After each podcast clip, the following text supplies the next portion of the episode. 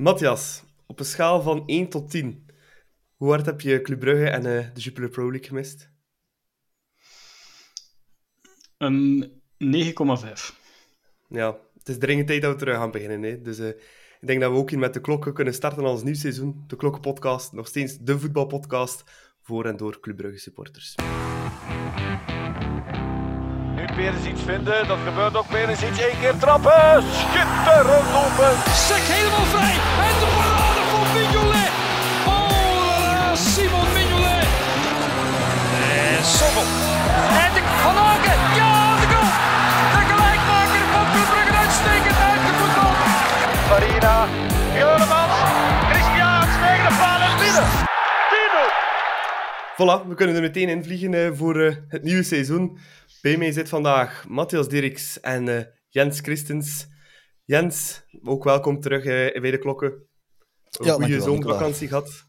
Zeker, ja. Eh, ik zal ook even op de vraag antwoorden. Voor mij is het dan een 8 op 10. Ik heb het gevoel dat ik er minder mee bezig ben geweest dan Matthias, als ik zo onze groepchat mag overlopen en volgen. Natuurlijk, Matthias is helemaal in zijn nopjes. Het is, de transfermercato is op volle toeren aan het lopen. Dat zijn uh, hoogdagen Ja. voor Matthias Dirks. hè.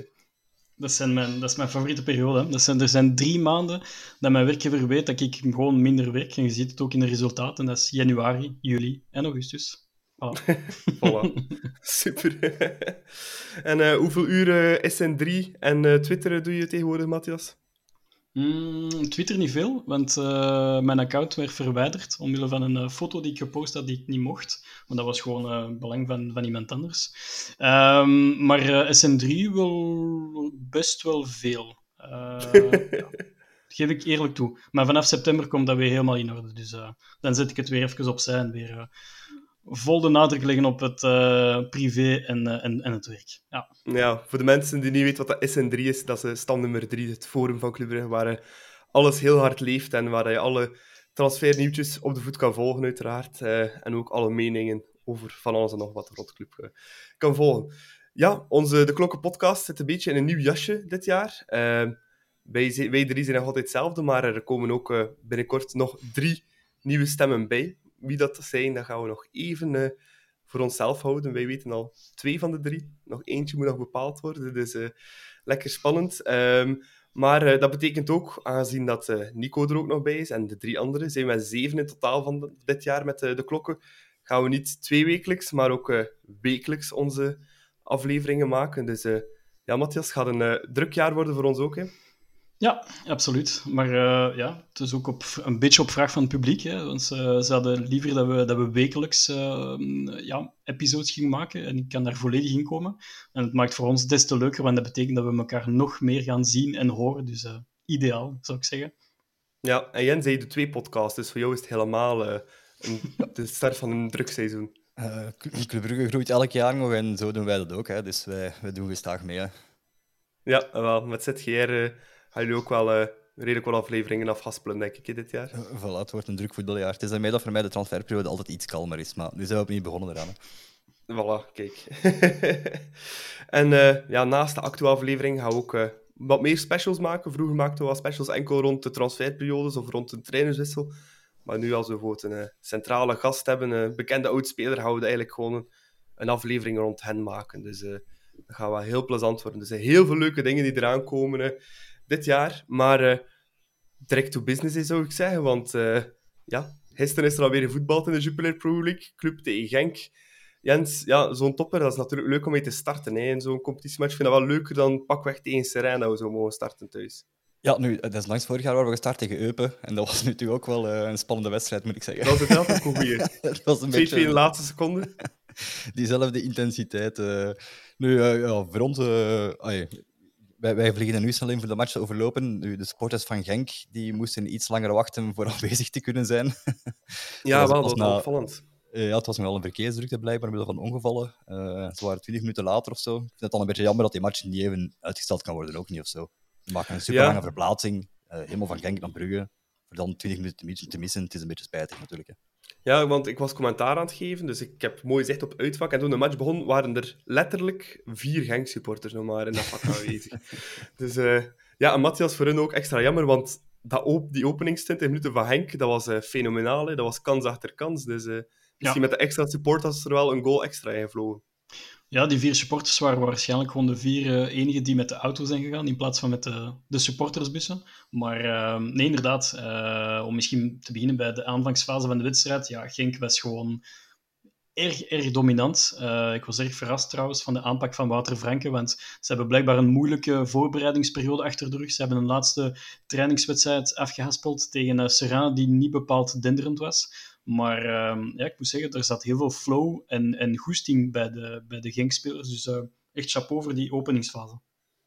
Ja, en Cyril Dessers, Jens, die had er ook wel goesting in, hè, om zich te tonen in België. Uh, ja, hadden we kunnen verwachten, inderdaad. Hè. Zijn eerste match terug in België. De, de laatste keer dat hij scoorde was ook tegen Club trouwens, uh, in de Belgische competitie. Ja. Dus dat heeft hem Club was wel kampioen toen. Uh, ja, toch, ja, dat is waar. Toch, ja, ja, ja, dat klopt. Ja. Maar toch, dat heeft hem geëvenaard nu. Hè. We zijn nu ook kampioen en nu heeft hem ook gescoord tegen ons. Hè, dus in dat opzicht. de, de geschiedenis maar dat, herhaald. Ja, dat Genk zo sterk begon, zeg ik had het ook niet echt verwacht. Wouter Franker is wel een, een heel goede coach, maar ja, hij is pas nieuw daar en team bouwen en naar jezelf vormen kan soms toch wel eventjes duren. Maar hij heeft hem meteen goed aangepakt eigenlijk. Eh. Dit, dit blijft ook wel dezelfde kern die, die twee jaar geleden ook tweede werd. Hè. Er is niet veel veranderd. Uh, Torstvet is vertrokken, denk ik. Ja, voor de rest is het praktisch hetzelfde gebleven nu, ja. denk ik. Ja. En Onowachi was natuurlijk geblesseerd nu, maar ja, Dessers heeft dat ja, heel goed opgevangen. Hè. Ja, Matthias, de vraag was al een beetje natuurlijk, ja, is het, uh, was het een heel goed Genk in die openingsfase, of was het eigenlijk enkele spelers van club die door de mand vielen. Want uh, met name bijvoorbeeld uh, Brendan Mechelen heb ik bijvoorbeeld... Ja, ik ben er enorm fan van, maar uh, mm -hmm. ik denk niet dat ik hem ooit zo'n slechte helft heb zien spelen bij club als nu woensdag. Het was, als nu zondag. Het was redelijk ja. dramatisch. Je moet dat een beetje in perspectief bekijken. Ik ben ook... Um, allee, Brendan Mechelen is... Um, ja, je weet wat je eraan hebt en ook wat je er niet aan hebt. Maar ja, Brennan Mechelen is een beetje een diesel. Hè? Dat is iemand die, die in een seizoen zelf heel, heel traag op gang komt. Die vaak heel veel be bekritiseerd wordt door de aanhang. Maar je weet op het einde van het seizoen, Brennan Mechelen staat gewoon in de type ploeg. En hij speelt ook sterke wedstrijden. Dat hebben we gezien in play-off 1. Um, maar ik vond het gisteren redelijk gênant eigenlijk. Uh, als je zo gemakkelijk weggezet wordt door Cyril Dessers. Het is ook niet Paulo Nwachu, om, om zo iemand te noemen. Uh, ja, ik vond een beetje, beschaam, een beetje een beschaamde prestatie eigenlijk van Brenno Mechelen. Uh, nu, ik ga niet te, te, hard veroordelen, want ik heb dat wel vroeger gedaan en uiteindelijk hij heeft altijd mijn ongelijk kunnen bewijzen om op het einde van het seizoen toch heel sterk te spelen en ook in de Champions League. Maar uh, dat het beter als gisteren moet, uh, dat is een feit. En vooral bij Brendan Mechelen is het heel simpel. Als de ploeg compact speelt, namelijk Ensoki en Mata links en rechts, en vooral de verdedigende en de centrale middenvelder compact spelen, dan speelt hij altijd goed. Maar als er zee van ruimte ontstaan, dan heb je niks aan Brandon Mechelen. Want hij kan er niet tegen als er te veel ruimte staat in zijn rug. Hij is natuurlijk ook niet van de snelste wembaars, hè, Jens. Uh, onze Brandon, maar ik vind het toch raar. Allee, ook gewoon niet enkel in de ruimtes, maar ook gewoon de duels met, met Dessers. Ik heb hem daar destijds duels in uitvechten met, met de grootste en beste spitsen ter wereld. Denk aan Immobile en zo, die die matchen in zijn broekzak steekt. En dan tegen Cyril Bessers, ja, moet hij het volledig af, af laten weten, is toch? Ja. Uh, hè, Cyril. Uh.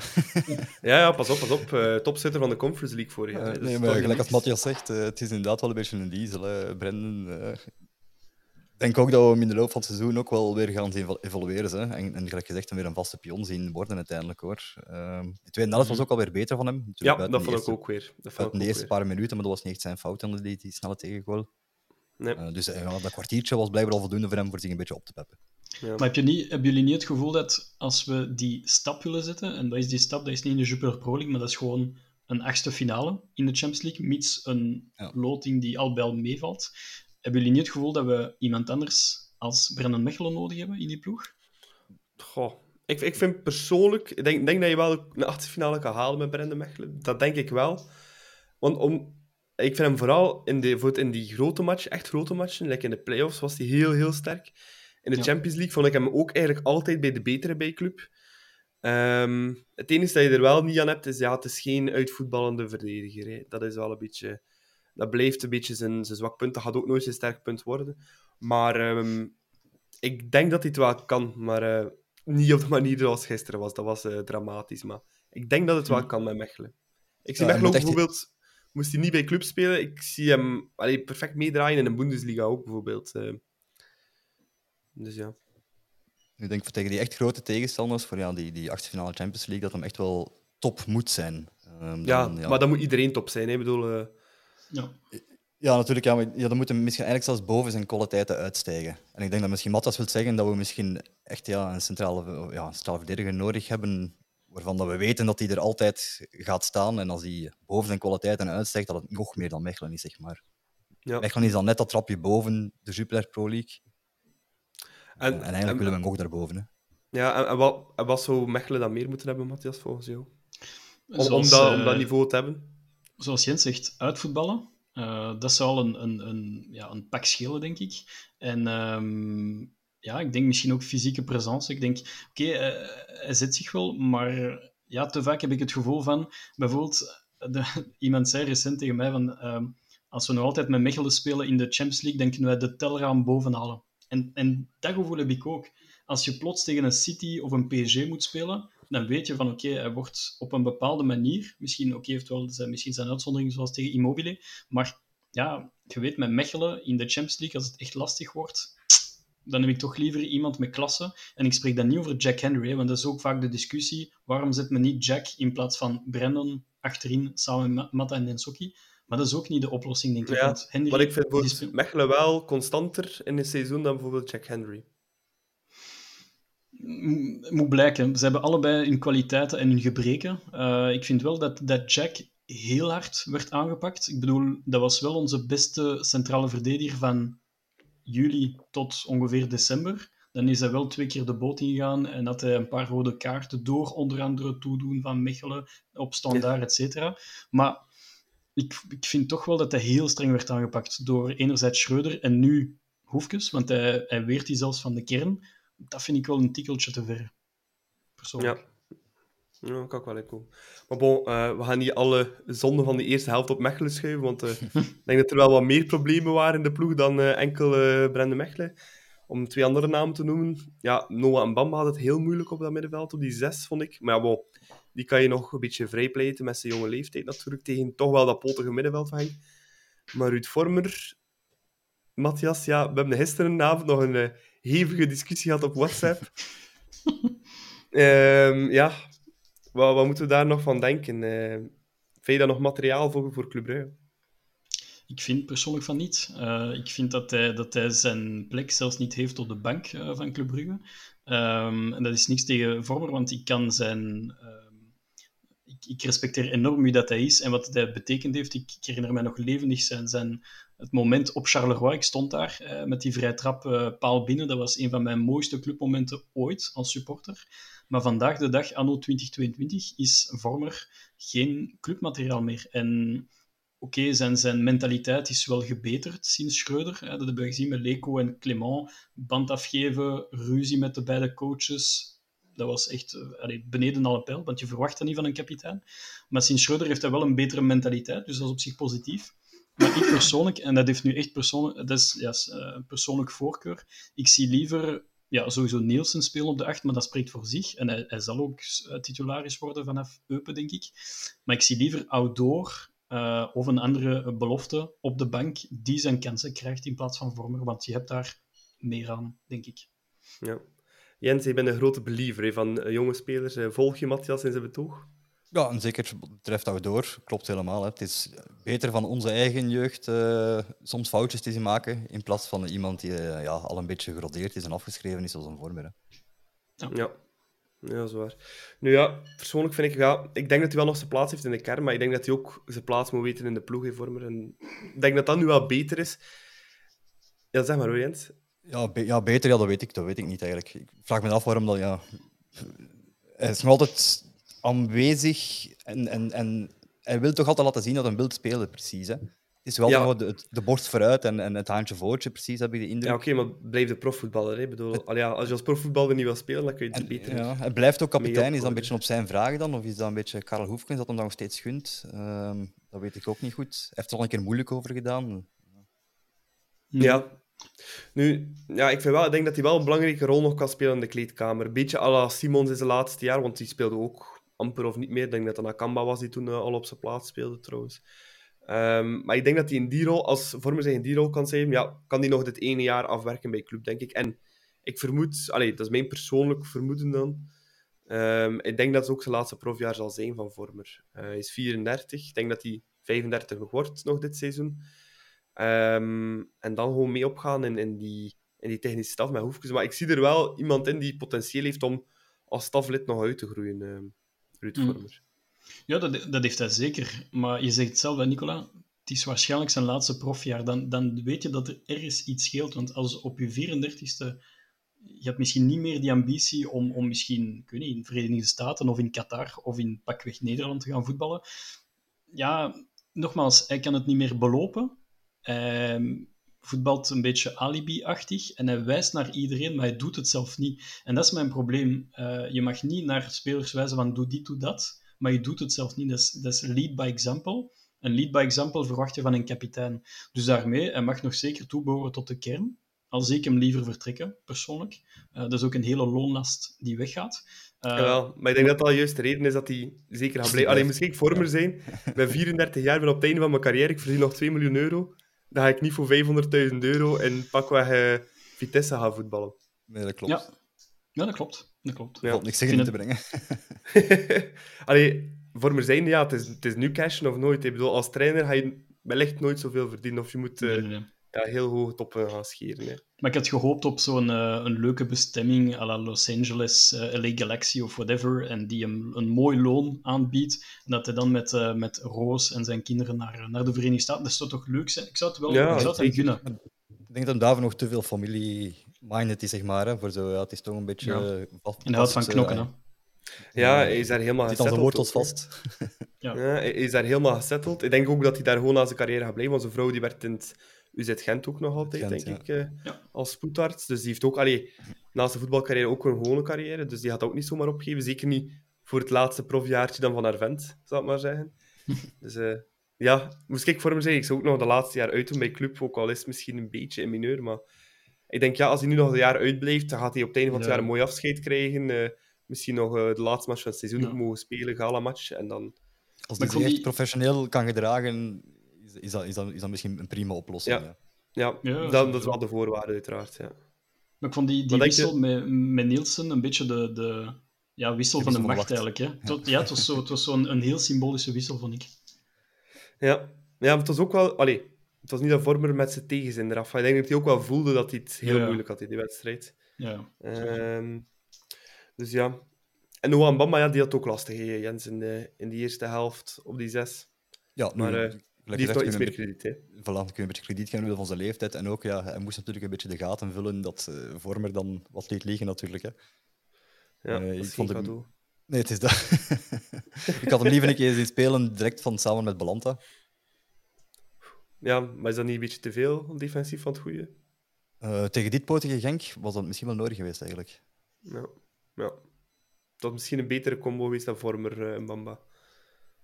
Maar bon, ja, dat is eh, in hindsight. Maar wat- het is al even dat we zeggen natuurlijk dat Vormer voor ons niet meer mee kan. Dus ja, voor ons is de hindsight al duidelijk. Ja, nee, dat is waar, dat is waar. Maar kijk, het zal uh, koffiedik. hè. Ik verwacht niet dat hij nog vertrekt. Verwacht jij dat hij nog vertrekt, Matthias? Nu, tussen nu en ik hoop het, maar ik denk, maar ik denk het niet. Nee. Ja. Alright, tot zover eh, Ruud Vormer. Aan de rust werd er dan... eh allee, gelukkig voor club eh, was er ook ene Simon Mignolet. Eh Jens, eh, die trekt wel gewoon de lijn door, hè. Ik bedoel, van vorig jaar. Dat was... eh, die eerste was vijf het. reddingen in die 20 minuten was fenomenaal. Hè. Het was een magneet gewoon. Elke bal... Enfin, nee, het- hij was eigenlijk degene die naar de bal sprong natuurlijk. De bal ging niet naar hem. Maar het leek alsof het een magneet was. De, de ballen gingen gewoon ja, los. Ja, het was een ja, geweldige, geweldige saves gewoon. Ja. Maar dus ik denk dat we van Mignolet stilletjes aan wel kunnen zeggen dat de beste keeper is in onze Club Brugge tijdperk. Hè. Ik denk niet dat ik ooit al een beter heb gezien. Dus, Nee, Ja. ik zeker Waanzin, niet. Eh, by far. eh, ik ben een beetje opgegroeid met Danny Verlinde als keeper. Dat Ja. was ook een, een, een fenomenale keeper. Maar bon, Mignolet is nog twee, drie trapjes hoger. En wat mij vooral... ehm, ja, wat ik vooral zalig vind, is dat hij gewoon de lijn doortrekt van play-off 1. Want hij, was, hij heeft toen voor ons de titel gewonnen. En hij trekt gewoon die lijn door. En ik denk, als hij zo verder blijft doen, wie weet, misschien een nieuwe doelman als gouden schoen. Het zou zomaar kunnen, ik zou het hem gunnen. Maar eh, ja, Simon Mignolet, toch een stevige kandidaat, denk ik. Jens, Mignolet, de eerste gouden schoen sinds Prudhomme. Het is een zotte gedachte, ja. ik had er niet aan gedacht. Uh, het zou inderdaad wel, wel een keer mogen, ik zal het zo zeggen. Of dat kan, dat is iets anders, maar het zou wel een keer mogen. Ja, maar ik, ik denk wel, allee, als journalisten objectief en beoordeeld op basis van play-off 1. Allee, ja, niet misschien op basis van heel de einde seizoen maar op basis van play-off 1 gaat hij wel wat punten pakken, hè, denk ik, voor die gouden schoen. Nu uh, vorig ja, ja. jaar, Matthias. Absoluut. Uh, ik denk, Skof Olsen wordt ook een heel stevige kandidaat, want uh, natuurlijk, dat is heel simpel. Hè. Sinds dat Skof gearriveerd is in Brugge, ja, hij speelt, hij speelt alles kapot. ja, ja, het is, Het is, nee, nee, maar het is, het is, het is echt fenomenaal. En, uh, en ik zou ook een beetje als outsider Casper uh, Nielsen, want Casper heeft een, heeft een fantastische tweede seizoen zelfs gespeeld met Union. En als hij ook, wie weet, bij Club de pannen van tak speelt, dan kan de optelsom van beide ook heel veel punten opleveren. Dus ik heb zo een beetje mijn top 3 in gedachten, maar dus dat is wel heel prematuur. Maar uh, Skof, Nielsen en Mignolet zijn toch drie uh, ja, pretendenten voor de gouden schoen. Ja, over ons Danish Dynamite, die eerste goal, Jens, die mocht er ook wel zijn, hè, van club. Uh, fenomenale ja, controle Jutgla, en dan ja, gewoon een buskruid in de voeten en ja, van de voorkant ja, het, het was inderdaad meteen een assist van onze nieuwe transferaanwinst ook, uh, Judgila. Die had hem eigenlijk wel duidelijk mooi afgelegd, het was zo bedoeld. En uh, ja, ja, Skof, Skof doet wat hij goed kan en dat ze hem erin schieten. Hè. dat we een paar, een paar keer mogen zien van hem uh, en het blijft verbazingwekkend. Ja, die, die trapt twee keer naar de goal op, hem, op, op de eerste helft, maar was de eerste bal een beetje gekraakt en de tweede ja. is gewoon, ja. ja. Ik, de, allee, uh, Filip Joos zei op het commentaar, doe een beetje denken aan Arjen Robben, maar als je hem ziet trappen, het is echt Ja. à la Robben, hè. Het is echt à la Robben, hè, dat hij hem binnenknalt. Of, voor- of voor de FIFA-speel zonder ons, dat is eh, R1 en dan een cirkel. Hè. En dan gaat hij R1 wel wolkje, lekker binnen. R1 R1 wolken, hè. is eh, ju- juist hetzelfde. Dus eh, nee, het is fantastisch. Ja, en, en het, is, het, het is ook een heel moeilijke. Hè. Ik bedoel, als je dat ziet, het is van ver, het is precies gemikt. Allee, het is, eh, ik- zoals eh. Jens zegt, het blijft verbazingwekkend.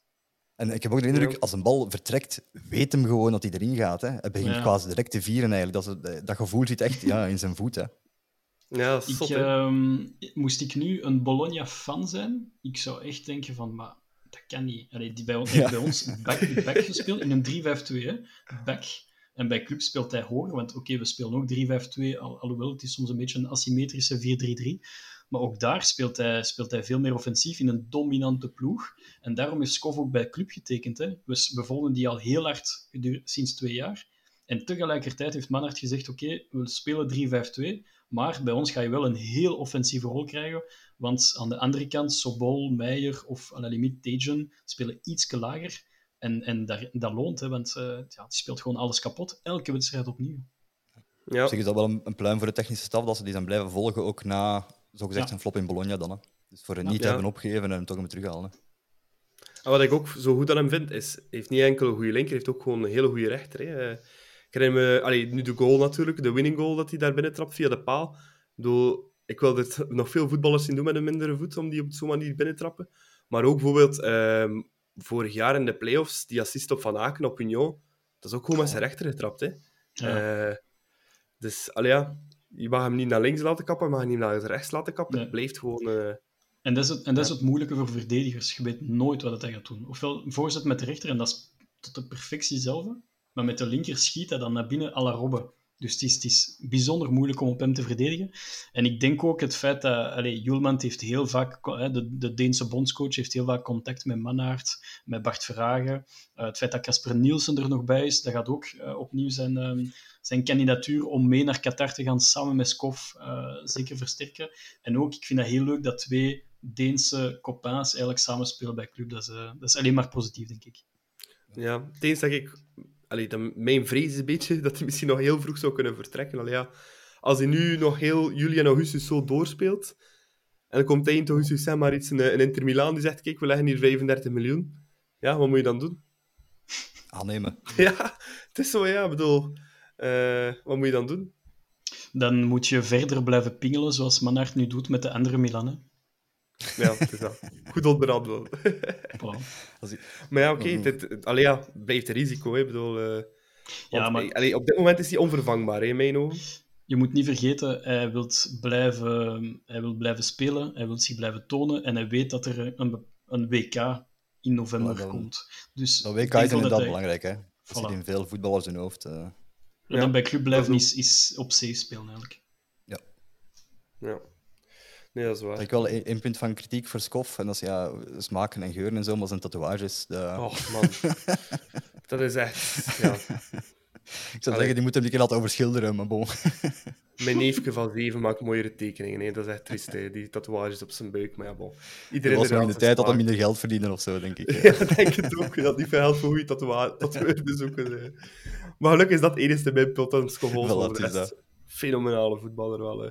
En wat ik ook wel goed vond, al ja, de rust gaan we in met, een- met een 1-1. Dan denk ik dat we daar unaniem over mogen zijn, dat we daar heel blij mee mochten zijn dat het maar 1-1 was.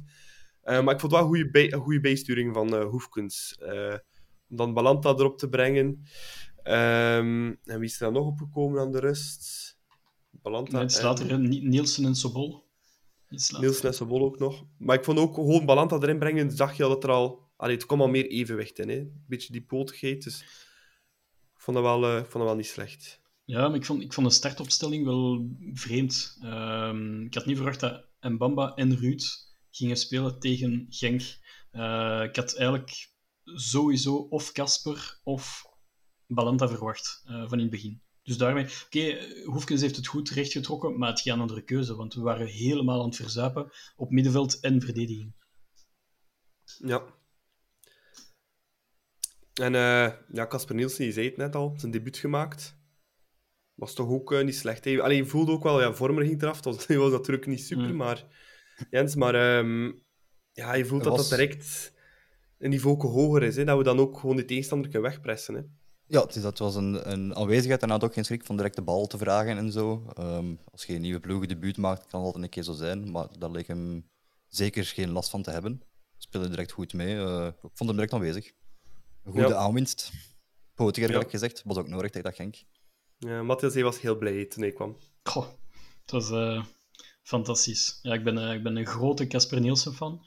En ehm, ik vond wel zijn eerste minuten, je zegt wel, ik vond hem wel een beetje ja, stressy spelen. Zo, hij was zo'n beetje onder de indruk, is misschien een groot woord, maar hij moest een beetje zijn, ja, zijn gevoel een beetje terugzoeken, terugvinden. En, ehm, do or die natuurlijk, hè, want het was gelijk spel. Het is, het is niet het meest aangenaam moment. En dit was als achterstand toen. Het is niet het meest Eh, aangenaam is moment. ingekomen op het moment Net dat hij gescoord. 2 is geworden. Ja. Ja. Net 2 ja, oké. ja, ja. Hij stond Ja, klaar op het moment dat Van Aken, eh, Van Aken ja. scoort. Ja. Ja, het was net, eh, net 2-2, maar je voelde wel van oké, hij moet zich nog een beetje eh, ja, zijn, zijn goede gevoel terugvinden. Maar, eh, maar ja, na vijf, max 10 minuutjes was het helemaal weg. En eh, als ik me niet vergis, die, die assist op Matta die geduwd wordt in de 16 meter komt ook van Nielsen. En hij deed me heel Ja. hard denken aan, aan, de, aan good old Vormer. Zo helemaal aan de rechterkant geplakt. Voilà, oldschool Vormer. En gewoon met, met, met voorzetten zwiepen, samen met Scovolsen. Eh het was echt leuk om te zien. Dus eh, ik denk dat dat, dat ook zo'n beetje de tactische consignes waren van, van Hoefkes en de staf. Van oké, ga maar eh, tegen de lijn plakken. Dan kunnen de spelers meer centraal opkomen. En, eh, en dat heeft geloond, want uiteindelijk zo komt de penalty eh, tot stand. Ja, zijn haar is ook eh, een beetje hetzelfde als van Ruud Vormer. Ook, ook naar achter gekamd. Ja, ja inderdaad wel meteen allee, het veld meer breed houden. Hè, dat er, ja, gelijk gezegd, centraal Ja. kon worden doorgeschoven ook. Hè. Allee, ja, Matta schoof dan meteen in en zo, en het is een beetje die penalty kwam ook. Hè. Ja. Echt, eh, Ja. Exact daarom. Ja, en die man stopt niet meer lopen, hè, Matthias Nielsen. Nee, ehm, ik denk dat eh, ze hebben statistiek gedaan op het einde van vorig seizoen en hij liep, dus Van Aken was nummer 2 en en Casper was by far nummer 1 en hij liep, ik weet niet, iets van een 30, 40 kilometer meer dan Hans Van Aken, dus dat zegt ook wel iets.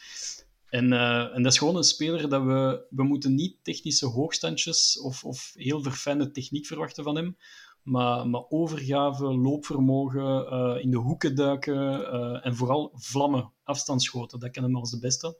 Uh, dus we gaan er nog heel, heel veel plezier aan beleven. Ja, Ik denk zeker van. ja gaat leuk worden. Nee, maar Casper Nielsen... Chance dat hij niet bij Gent zit, hè, Jens. Want eh, ik denk dat hij daar ook wel potten had kunnen breken hè, onder Van Hazenbroek. Want die wou hem wel heel graag. De flirt was blijkbaar heel groot hè, tussen hij en Casper, klopt. Ja. Ja. Ja. Ze hebben een paar keer Valentijnskaartjes uitgewisseld, telefoonnummers. eh, Maar er zijn Casper boeketten wilde, wel, gekocht.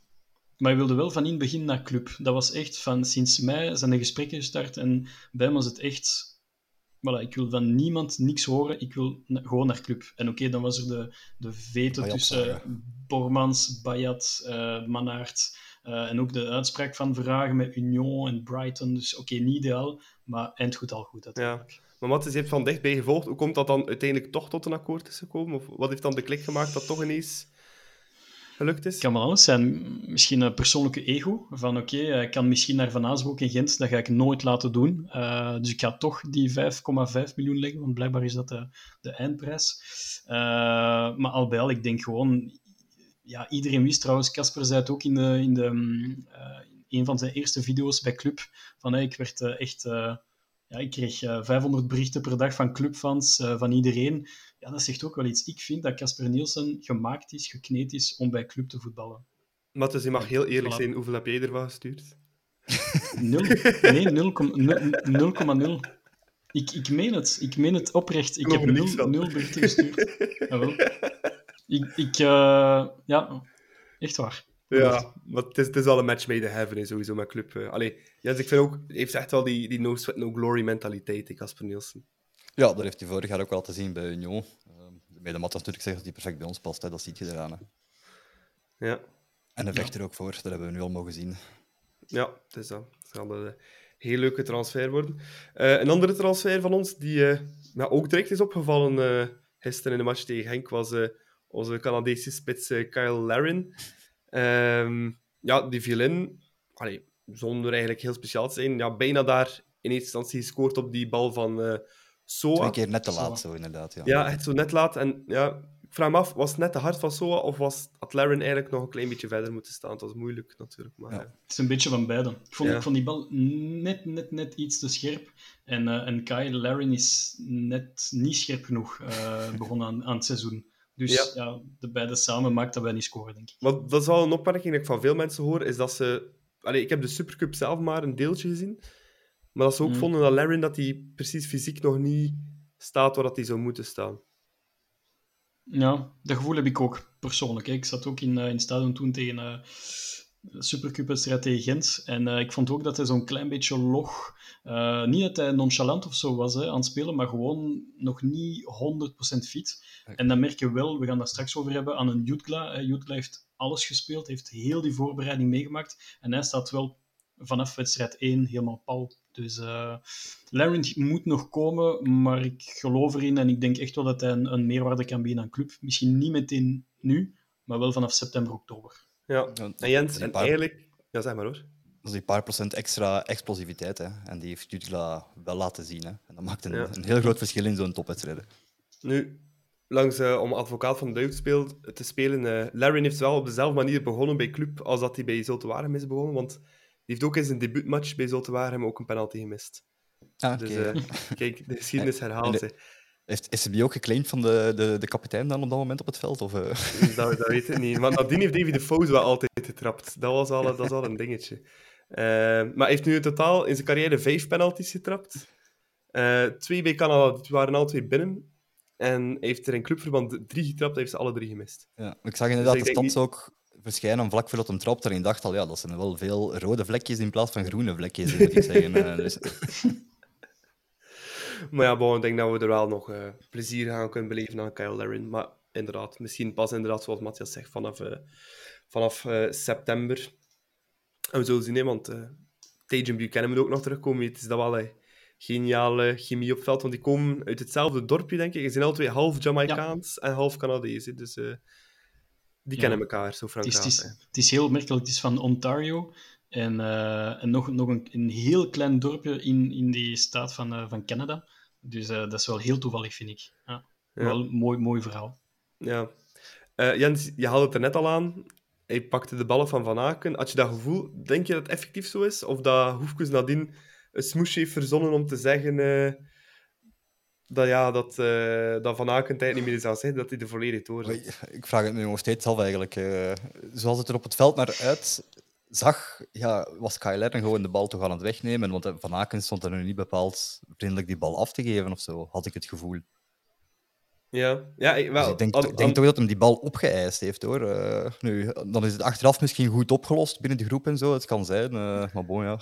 Als we er achteraf niets meer van horen, is goed hè. Ja, Matthias, wat denk jij? Was een diagneetje dat hij deed?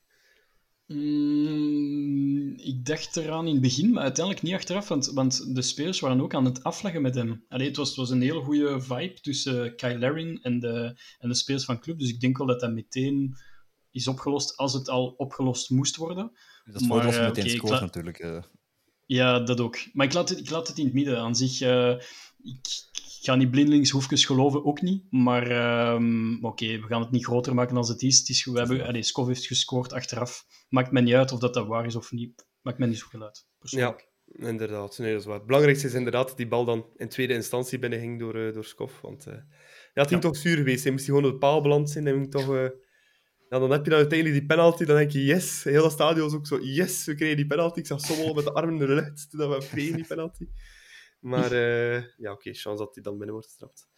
Um, ja, en naast Mignolet, die de man van de match was, ja, als we dan een tweede man van de match mogen kiezen, Matthias, dan denk ik dat we allemaal voor onze Catalaanse vriend uh, Ferran Jutgla gaan. Hè, want uh, ja. die was fenomenaal. Hè.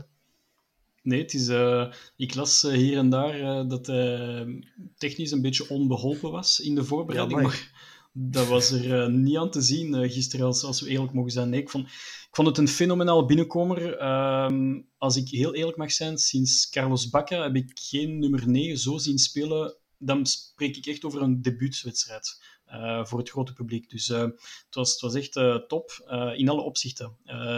Janko Beekman heeft het heel mooi, heel mooi verwoord in Shotcast. Hij zei dat Jutgla uiteindelijk de, de perfecte targetman was dat club zocht. En dat is ook zo, ondanks dat hij maar een meter 75 is. Dus um, hij heeft alles super doelgericht. Soms misschien iets te egoïstisch in zijn acties, vind ik wel. Maar trappen naar doel, verticaal spel... Um, kan ook samenspelen als het moet. Bijvoorbeeld die aflegger op, uh, op Skof en op Van Aken. Ja, dus, uh, alles wat hij doet is slim, intelligent en, en met een bepaalde reden erachter. En dat vind ik al op zich fenomenaal. Dus uh, ik denk dat dat echt een sensatie wordt bij club. Ja, hij kan ook een man passeren, nee, Jens. Ja, het is dat, ja als, als ze technische mankementen gemerkt hebben in de voorbereiding, dan hebben ze volgens mij toen strandballen gebruikt of zo. Want op dit moment, was, was, tijdens de match, was dat zeker en vast niet te merken. Ja. Terwijl het was echt lang geleden, en gelijk Matthias zegt, misschien Carlos Bacca, dat dat een goede vergelijking is. Uh, qua, ja, qua gevoel, hè, overweldigend. Uh, de manier waarop het ja. start, explosiviteit, bal aannemen. Ja, misschien inderdaad in samenspel heeft inderdaad wel een paar keer een kans proberen zelf te gaan, voordat hij hem een keer breed kon leggen of achteruit kon leggen. Uh, ja, oké, okay, dat zou misschien wel wat moeten aanpassen. Hè. Ja, maar... Spelers zullen wat meer Catalaans moeten leren, misschien. Ja, speelt ook voor de nationale ja, ploeg van Catalonië. Hè? Allee, ja, de ja, onofficiële nationale ploeg, ploeg wel. Maar uh, hij speelt er al in mee. Dus, en ook niet, uh, hij, spreekt geen, hij spreekt denk ik geen woord Engels ook niet. Hè? Uh, dus hij doet alles in het Spaans of in het Catalaans. Dus uh, ik denk wel dat hij, dat hij misschien een snelcursus gaat moeten doen van, van Engels om, om zich nog meer allee, bij te benen. Maar ja. uh, wat, dat hij, wat dat hij gisteren liet zien, was, laat echt het beste verhopen. Ja. ja. Had hij ervoor kunnen zorgen dat we de ketelaren en lang gaan vergeten? binnenkort? Beiden is misschien veel gezegd. of dat hij beide gaat kunnen vervangen. of is dit toch één van de twee? Eén van de twee hopelijk wel, ja, inderdaad. Ja, gisteren was Charles al niet aanwezig, uh, want ja, zijn transferperikelen en zo, transferkoorts. En op zich hebben we hem niet gemist in de spits, had ik het gevoel, of zo. Dus... Ja, nee, dat is waar. Nee, maar ik denk dat club nu echt wel op zoek gaat naar een compleet nieuw duo. Vorig jaar hebben wij 3-5-2 gespeeld met Charles en Noah voorin. En nu gaan ze echt voor de snelle, kwikke, vinnige jongen, Frank Jutgla, samen met een targetman, een pivot. Nog een geluk, het is geen uh, Vedat Moriki geworden, maar, uh, maar, maar, club is echt wel op zoek naar een, uh, naar een, een pivot. ze zijn heel geïnteresseerd, las ik recent, in Maxi Gomez. Ik denk dat er nog namen gaan bijkomen vanaf het moment dat Charles verkocht wordt. En dan gaan we weer naar een, een, een leuk duo met ja, een kleine rappe gast met zo'n pivot. En dat kan ook echt wel beetje, dus... beetje zoals schrijvers Wesley destijds uh, onder Leco. Ja, of, of Sonk Dagano. Uh, allee, dat zijn, dat zijn ik weet niet, ik heb, ja, ik, ik heb het wel voor zo'n duo's. En, uh, en ik vind ook dat club een frisse wind nodig had van voor. En daarom ben ik wel voorstander dat en Noah en Charles allebei verkocht worden. Natuurlijk aan de hoofdprijs idealiter deze zomer. En dat we wel vanaf een, een, een blank sheet kunnen starten binnen de, ja, de twee, drie komende weken. Ja.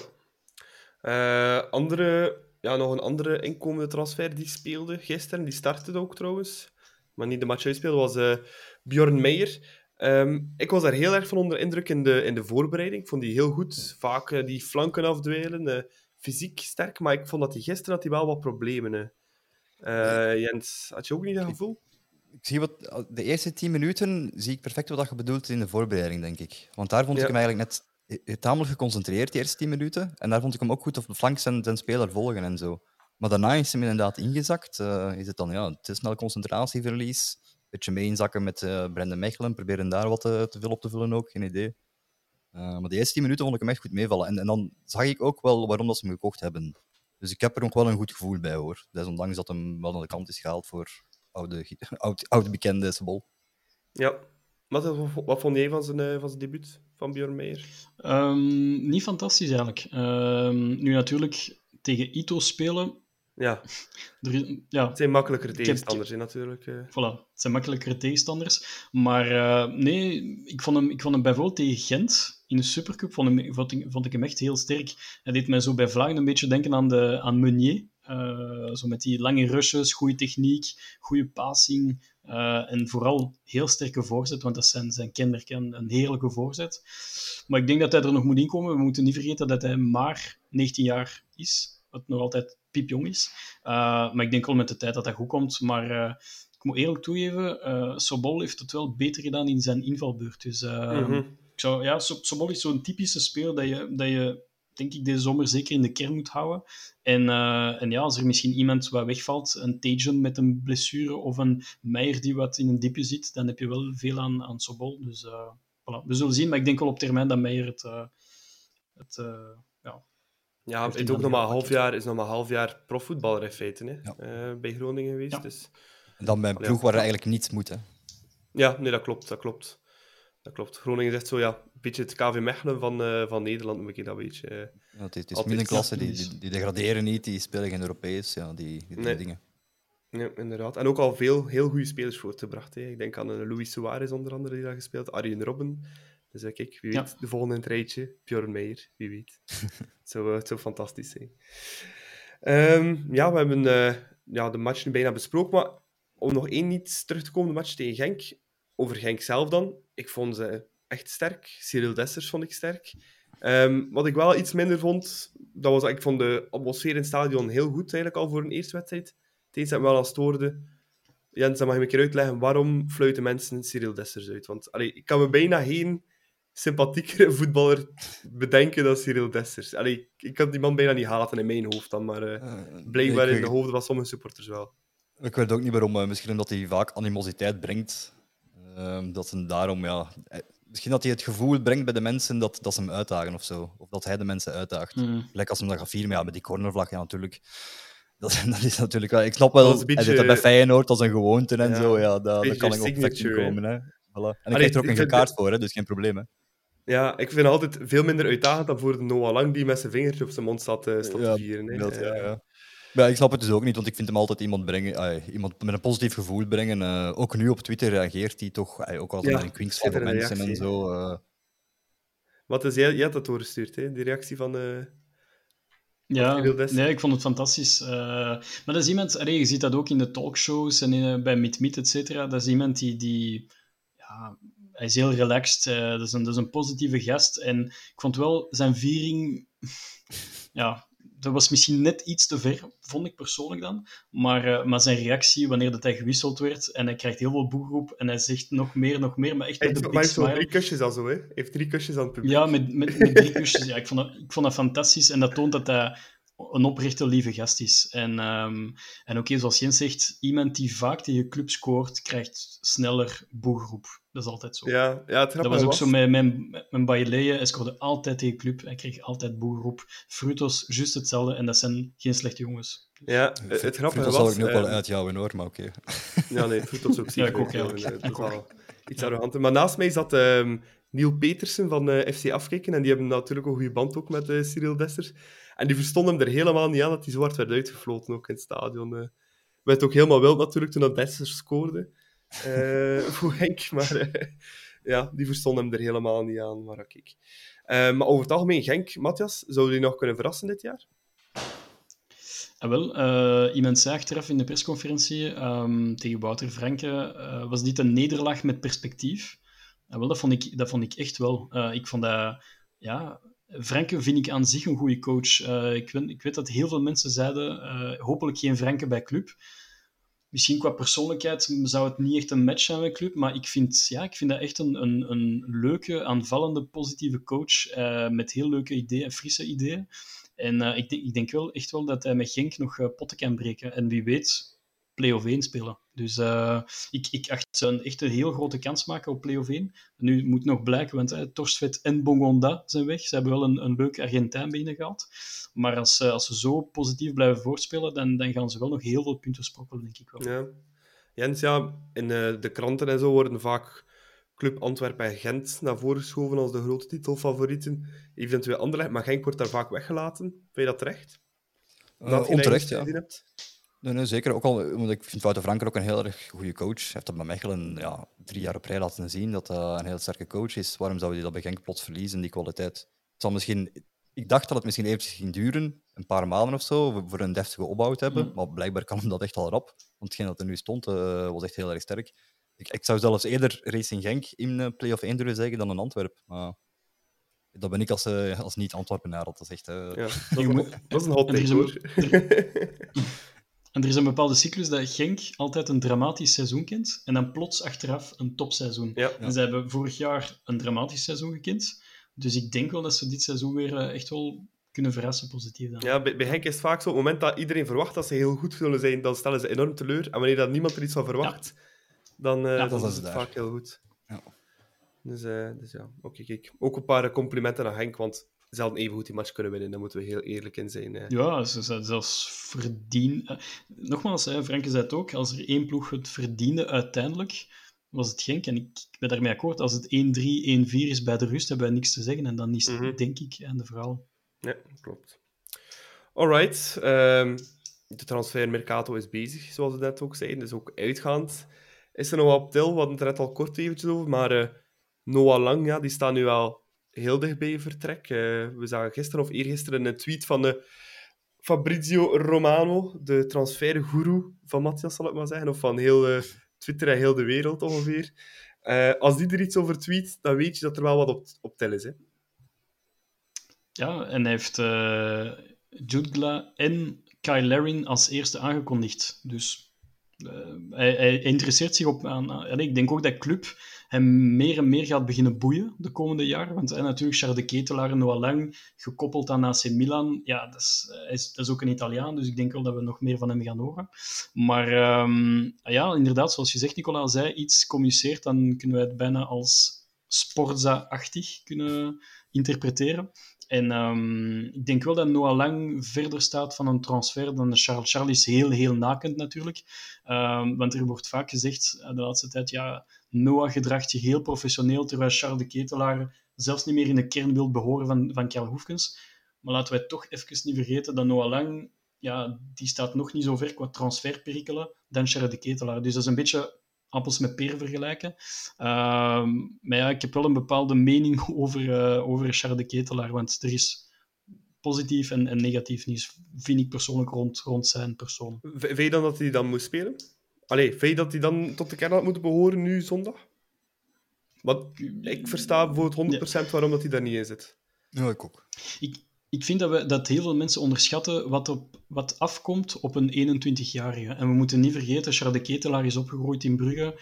Hij is club, clubsupporter voordat hij speler was.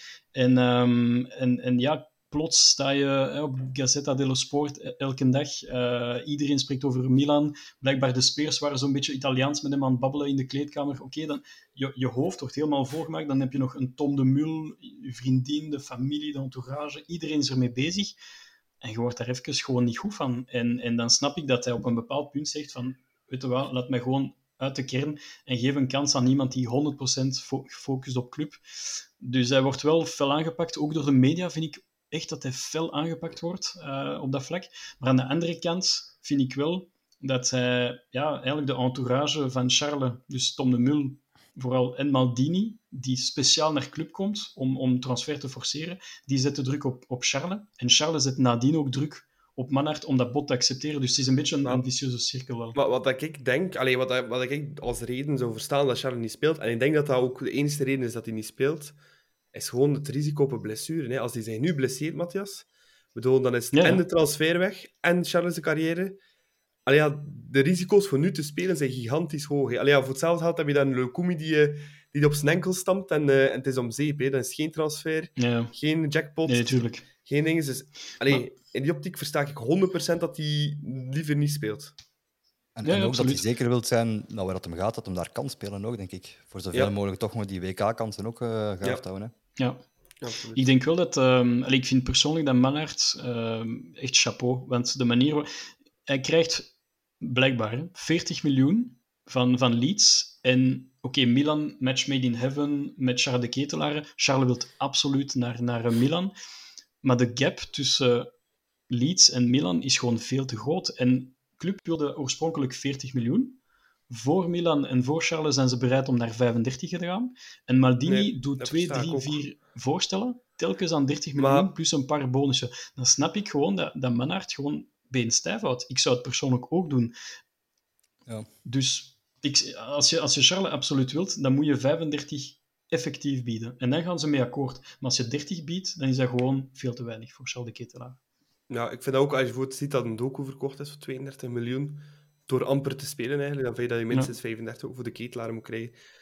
En het, was, Maar het was David 32 en, en Doku was ja, 27. oké, maar ja, geloof ik. ook in die grote orde. Maar, eh, Zoiets. ehm, Ja, ja, ja, sowieso. Ja, maar wat ik ook vind, ik vind deze transfer voor club is, allee, vind ik ook los van, van een, ehm, het financiële dat voor de club eraan kan verdienen, 35 of 40 miljoen dat hij Leeds wil bieden, is het voor club ook zeer belangrijk dat deze toptransfer wel nu een keer echt slaagt. Want Charles de Ketelaar gaat wel misschien het uitgangbord worden van Club Brugge ook de komende jaren. Ik bedoel, als je kijkt wat, wat, wat Ja. dat Genk heeft kunnen verkopen nadat ze De Bruyne en Courtois hebben gehad, die eh, wereldcarrières hebben uitgebouwd in, in het buitenland en nu bij de internationale top horen. Hm. Stel dat de ketelaar daarbij komt, ik bedoel, dan heeft heel onze jeugdopleiding een totaal ander gezicht. Of toch het gezicht van, kijk, uit, uit deze jeugdopleiding Ja. komt Charles de Ketelaar. En, En, en, ja, en daarom is het ook belangrijk dat Manhart ook lang genoeg zijn been stijf houdt voor het juiste bedrag te Voilà. krijgen, Ja. ook, denk ik. Het is Nee. dat. Want ander- anders, an- anders worden wij een liefdadigheidsinstelling. En dat is je niet moet, de je moet, je moet zien dat eigenlijk als spelers van Ajax worden verkocht voor 60, 70 miljoen, terwijl die mannen quasi niks laten zien hebben of ja. zo. Maar die worden ook Dat is een status Maar die worden ook bereiken. aan 60, 70 miljoen verkocht, omdat ze destijds ook al die supertalenten hebben kunnen verspreiden over heel de wereld en die reputatie Ja, hebben ja, kunnen het is uitbouwen. dat. het is Ja. dat. Dat is een beetje Ja. gevolg van hetgeen dat in het verleden is gedaan. En wij zitten eigenlijk nog in het begin van die cyclus daarvan. Als wij nu een de ketelaar Ja. verkopen voor 35 miljoen en dat we, die gaat de carrière als de Bruyne doen, dan gaan wij de volgende de ketelaren misschien wel voor 40 of 45 miljoen kunnen verkopen. Allee, ja. Juist omdat... Maar als je, nu, als, je, als, je, als je nu verkoopt aan bijvoorbeeld hè, 30 plus 3 miljoen bonus, dan weten andere topclubs of subtopclubs dat je bij club soldeprijzen Ja, dat krijgt. is ook waar. Maar dat is, hè. De ketelaar is voor, in, in mijn ogen, sinds Kevin De Bruyne, het aller, allergrootste talent van de Jupiler Pro League. Dus daar moet je de absolute jackpot voor krijgen. En ik snap dat Manhart, heeft het waarschijnlijk zelf gezegd tegen Tom de Mule en Charles de Ketelaar, dat, dat ze bereid zijn om naar iets lager te gaan, namelijk 35 effectief, maar dat ze geen 30 kunnen accepteren. En Maldini, als hij echt fan is van Charles de Ketelaar, ik denk dat ze vanavond nog samen zitten, heb ik gelezen, dan gaat hij gewoon die 35 met al dan niet bonussen wel bieden. Ik denk wel, los van het heel financiële plaatje, dat AC Milan sowieso een betere keuze is voor Charles' carrière dan Leeds. Ja, sowieso. Allee, hoe dan ook. Ja. Maar voor hetzelfde gaat Leeds... Ja, ja. Leeds is zo'n ploeg... Allee, ja, dat is goed, maar als het daar slecht gaat, wordt een andere trainer binnengesmeten. Het is misschien kick-and-rush voetbal. En spelen ze volgend jaar championship. Dat kan even goed. En dan zit je carrière Ja. een beetje in het slop. Hè. Of ja, of ga je geen Het grote maken. verschil is dat Leeds, Leeds ziet eh Charles de Ketelaar als 9, 9,5 en Milan ziet die eerder als spelverdeler. Ehm, en dat is al een verschil op zich. En ik denk dat Charles een grotere carrière tegemoet gaat als, zeker niet als 9, maar eerder als hangende Ja. spits, maar echt erachter of als nummer 10. Als spelverdeler, Kevin De Bruyne. Hè. Ja, een Voilà. beetje la Kevin De Bruyne. Ja. Nee, klopt volledig. Ehm, en Noah Lang, hoeveel, hoeveel moeten we daarvoor vangen, eh, Matthias, om geen soldeprijzen eh, weg te doen? Ik zou... Nee, maar dat, maar dat is nog een verschil. Want met Noah Lang hebben zij gezegd op het einde van het seizoen, met jou gaan we, gaan we niet moeilijk doen. Dus als ze daarvoor bijvoorbeeld 25, een bod krijgen van 25, al dan niet met bonussen, dan moeten ze hem gewoon laten gaan. Dat zou in mijn ogen een faire prijs zijn voor Noah Lang. Voor Noah Lang, Naar een club dat hem zelf graag heeft, natuurlijk. Hè. Ja, ja, Ja, ja. Die had ook niet naar het Midden-Oosten willen gaan. Nee, nog lang. Allee, hij is ook al twee jaar ouder, denk ik, dan de ketelaar ook. Dus, Ja, hij is 23, denk ik. ja, maar ik denk vanaf een goede 20 miljoen met bonen, met een paar goede bonussen of een doorverkoop, is het wel eh, bespreekbaar, denk ik. Maar dan is hij Ja. weg. Dat denk ik ook. Ja. Maar, eh, allee, ik vond wel zijn mentaliteit gisteren ook wel goed op het veld. Het was niet dat je eraan kon zien dat hij mogelijk kan vertrekken. Maar ja, je zei het ook, Matthias. Bij Charles staat het ook allemaal al een stuk verder dan bij, eh, dan bij Noah. Alright, dat waren alle transfernieuwtjes heet van de naald. Eh, over naar het eh, laatste deeltje van deze aflevering. Dat is eh, de volgende match. Dat is eh Eupen Club. Matthias, jij gaat naar de keerweg, hè? Ja, ik heb eh, gisteravond mijn tickets geboekt. Eh, ik ga samen met eh, mijn klein broertje naar eh Amkeerweg. En eh, ik hoop en ik denk dat dat een van de eerste keren dat ik naar daar ga en dat het niet regent of sneeuw of super koud is. Dus ik eh, kijk geweldig uit naar een leuke zomerwedstrijd Amkeerweg. Ja. Ja. ja, Jens. Eupen heeft zijn eerste match verloren. Moeilijke, verwacht je een moeilijke match eigenlijk aan de Oostkantons? Ik verwacht geen moeilijke match, maar ik durf dat moeilijk op voorhand te zeggen. Kwestie van niet te willen jinxen, hè, maar ik verwacht niet echt een moeilijke match. Nee. Ik hoop dat Judgla goed zijn draai vindt dat hij een keer eh, zijn eerste kan maken voor club. Ja. Eh, natuurlijk, ja, dat Skov ook weer eentje kan binnenleggen. En ik hoop vooral dat een Bamba terug mag starten eigenlijk. Dus dat een Bamba niet afgeschreven wordt na deze ene Ja. eh, eerste helft tegen Genk. Maar ik denk dat het wel, Maar dat hem daarvoor zijn tweede ik kans denk dat het wel op voorwaarde is dat dan Nielsen start in plaats van, van Vormer. Hè. Ja, die combinatie bijvoorbeeld. Hè. Ja, Nielsen en Bamba, dat zou ik wel eens willen zien Ja, ook. nee, zou inderdaad wel, eh, Ja. zou inderdaad wel leuk zijn. Alright. En het is een goed een goeie ploegje voor dingen te oefenen, zeg maar. Hè. Eupen in de zomer. Ja, ja, het is dat. voelt nog aan als een oefenwedstrijdje. Zo. Maar dat is ook zo'n match, je hebt dat liever nu in de zomer, ergens in eh, juli of augustus, dan dat je dat in eh, januari hebt als het uh, vriest dat kraakt. Hè. Ja. Dat is, eh, Ja, maar dat gevoel, dat gevoel had ik ook met Genk. Ik, eh, ik speelde liever nu tegen hen dan wanneer dat die ploeg van Franke echt op toerental komt. Eh, Maar uiteindelijk, kijk, gisteren hebben zij super gespeeld. Ja, nee, dat is waar. Geen enkele match is eigenlijk heel makkelijk. Hè. Alright, we gaan traditiegetrouw toch eh, eindigen met een pronostiekje. Dat vind ik toch altijd leuk. Eh, Jens, Eupen Club Brugge. Ik ga voor de 0-3 gaan dan. Een clean sheet voor Simon. Eh, Een doelpunt Skof en twee keer Judela. Nog eentje voor Skof. Ja, dat opzitter zijn. Ja, ja. Hij stopt niet. Matthias. Ik zeg eh 1-4, eh, twee goals van Jutgla, eentje van Hans van Aken en de eerste van Casperino Nielsen. Oeh, dat zou wel mooi zijn. hè. Een afstandsschot dan, eh, veronderstel ik. Ja, en eh, een pegel helemaal op het einde van de wedstrijd in, in de winkelhaak. Alright, ik ga eh, voor de 0-4 dan gaan. Dat is een beetje tussen jullie twee. Eh, wie zou er allemaal scoren? Van Aken die maakt er sowieso wel eentje weer op een corner of zo. Op een corner van Skof. Uh, mag ook zijn eerste maken. En, kijk, en de andere goals, eh, dat is dan te verdelen over de rest. Dus kijk, we zullen zien hoe dat loopt.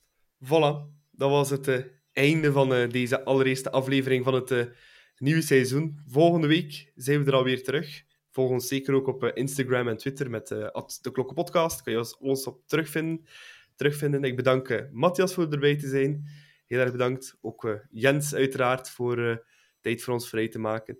En eh, volgende week zijn we terug. Thanks. Maar echt met nieuwe gezichten en ook ja, een paar nieuwtjes weer rond de podcast. Want eh, kijk, wij staan ook niet stil. Tot dan. Tot volgende week. Nu Perisic vinden, dat gebeurt ook. Perisic één keer trappen. Schitterend open. Sek helemaal vrij. En de parade van Mignolet. Sobel. En de Van Aken. Ja, de goal. De gelijkmaker van Club Brugge uitstekend uit de voetbal. Marina, Juremans, Christian, tegen de paal en midden.